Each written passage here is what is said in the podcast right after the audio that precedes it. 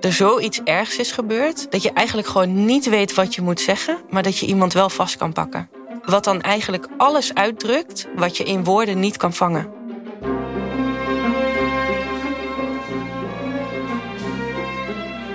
Je luistert naar de derde aflevering van Midzomernachtcast.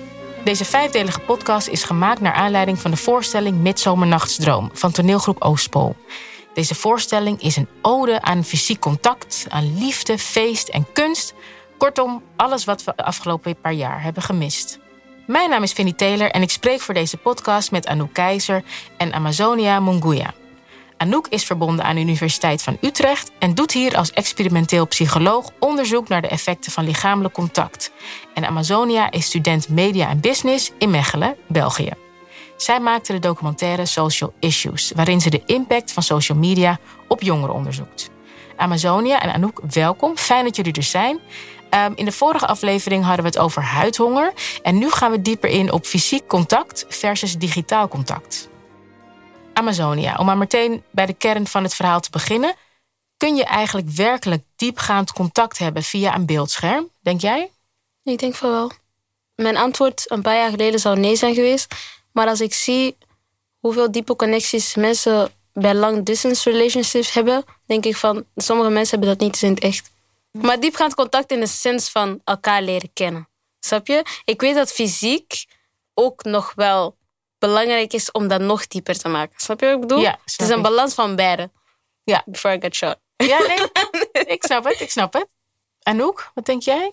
Ik denk dat ik het eens ben met, uh, met wat je zegt. Dat het best mogelijk is om uh, online een, uh, een, een, relatie met iemand op te bouwen. Maar ik denk ook dat het online contact niet een eventueel fysiek contact kan vervangen. Mm -hmm. Ja, dat, dat is eigenlijk mijn volgende vraag. Hè. Kan fysiek contact ooit volledig vervangen worden door online contact? Nooit.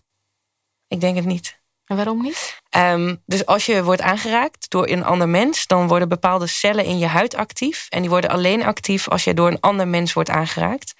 En die cellen in je huid die sturen weer een seintje naar een bepaald hersengebied. En dat hersengebied zorgt ervoor dat je een prettig gevoel krijgt. Uh, dat er bepaalde hormonen vrijkomen. Bijvoorbeeld oxytocine, dat noemen we ook wel het knuffelhormoon. Misschien dat mensen dat kennen van uh, borstvoeding bij jonge kinderen... en de band tussen ouders en kinderen. Hetzelfde gebeurt nog als we volwassen zijn. En uh, het activeren van die cellen dat is niet iets wat uh, digitaal... Dat kan echt niet nee. vervangen. Daar is, daar, is, daar is niks in de wereld dat dat kan vervangen. Uh, collega's van mij doen wel onderzoek naar uh, manieren om apparaatjes die dan wel in jouw buurt moeten zijn, uh, die ervoor zorgen dat je precies hetzelfde voelt als een echte aanraking. En dat lukt ook wel. Um, maar dat, dan moet er alsnog altijd een aanraking op jouw huid plaatsvinden. Ja. Door iets wat dan door een ander wordt aangestuurd. Maar echt helemaal uh, vervangen, het fysieke contact tussen mensen door een digitaal contact, ben ik heel sceptisch in. Wie weet krijg ik ongelijk, weet ik natuurlijk niet, maar ik ben heel ik hoop het eigenlijk. Ik, ik ben heel sceptisch. Niet. Ik hoop dat je niet ongelijk ja, nee, krijgt. ik ook niet. en nog voor we verder gaan, hè, waar verlangen we eigenlijk naar als we naar fysiek contact verlangen? Wat, wat is dat precies? Bedoel je qua wat voor type contact of het gevoel dat we ervan krijgen? Ik denk, of beide? Ik denk beide. Als, als mensen het gewoon hebben over ik mis dat fysiek contact. En we hebben het natuurlijk niet over partners of hè, ja. wat je dan in bed doet. Maar nee, absoluut over, niet. Hebben nee. we het daar niet over. Nee, nee, dit is echt totaal anders. Iets anders. Ja, ja. Het gaat echt over gewoon een aanraking. Ja. Ik denk dat het nog wel goed is dat je dat benadrukt. Want um, ik doe eigenlijk uh, alleen maar onderzoek naar dus uh, wel intiem contact, maar totaal niet seksueel contact. Ja. Dus dat kan knuffel tussen vrienden, maar ook knuffel tussen partners. Of als iemand verdrietig is, dat je arm iemand om je ja, heen. arm om je heen. Uh, ik vergeet soms nog wel eens dat als mensen het woord huidhonger of verlangen naar contact of uh, aanraking horen, dat heel veel mensen vaak snel denken aan seksueel contact. Dit is echt iets totaal anders. Um, en ik denk waar mensen naar verlangen is. Uh, dat het communicatie een diepere laag kan geven. Maar dat het er ook voor kan zorgen dat als je aangeraakt wordt... doordat dus die bepaalde cellen worden geactiveerd... en doordat fijne stofjes in je hersenen worden aangemaakt... dat je daarnaar verlangt. Je krijgt er dus een prettig gevoel bij. Ja. Dat is het gewoon. Natuurlijk alleen in het geval als er wederzijdse instemming is... Uh, Ja. over de aanraking. En merk jij dit ook bij, bij jongeren? dat prettige gevoel uh, wat ze krijgen. Krijgen ze dat ook door online contact, denk jij? Ik vind het heel simpel. Je kan zeggen, ik hou van jou, maar je kan ook echt een knuffel geven die dat meer dan 10.000 woorden kan zeggen, snap je? Je kan iemands liefde echt voelen en ik denk niet dat je dat per se kan via een scherm. Ik vind dat je via een scherm echt een diepgaand contact kan hebben qua mentaal zijn, intellectueel, van elkaar echt beter leren kennen. Maar dat is maar één deel van een relatie. Maakt niet uit of het nu, um, ja, dat jullie samen zijn. Wij zeggen dat in België samen zijn, uh, als in een relatie of gewoon vriendschappelijk. Maar ik denk dat dat maar één element is van de zoveel. Snap je? En jouw vraag was uh, of ik dat heb gemerkt bij ja, jongeren. Bij jongeren, ja. Dat. Uh, dat die, die hunkering naar, naar dat fijne gevoel als je aangeraakt wordt. Vriendschappelijk, bedoel je? Ja. Ik denk van wel. Maar daar heb ik uh, niet, niet al te veel commentaar nee. over eigenlijk. Nee. Nou, waar ik eigenlijk naartoe wil deze, uit, deze aflevering... ik ben gewoon zo benieuwd of fysiek contact één op één te vervangen is door digitaal contact. Nee. Nee, ik denk het ook niet. Ik vond het voorbeeld wat jij net zei uh, al uh, heel goed. Van je kan zeggen mm -hmm. of typen, ik hou van jou. Maar mm -hmm. je kan ook iemand vastpakken. Mm -hmm. En ik denk dat het ook geldt uh, dat we allemaal wel eens een situatie hebben meegemaakt... waarin er zoiets ergs is gebeurd... dat je eigenlijk gewoon niet weet wat je moet zeggen... maar dat je iemand wel vast kan pakken. Klopt. Ja. En dat kan een gigantisch grote knuffel zijn... maar dat kan ook gewoon heel kort iemands hand aanraken wat dan eigenlijk alles uitdrukt wat je in woorden niet kan vangen. Ja. Het is echt wel zo. Want uh, ik heb een tweede documentaire uh, gemaakt in het najaar. En dat ging over de overlijden van een moeder. En dat was echt een familie die heel dicht bij me stond. Dus ja, je gaat daar naartoe met de intentie van... je wil iets aan die mensen vragen, het, het verdriet in beeld brengen.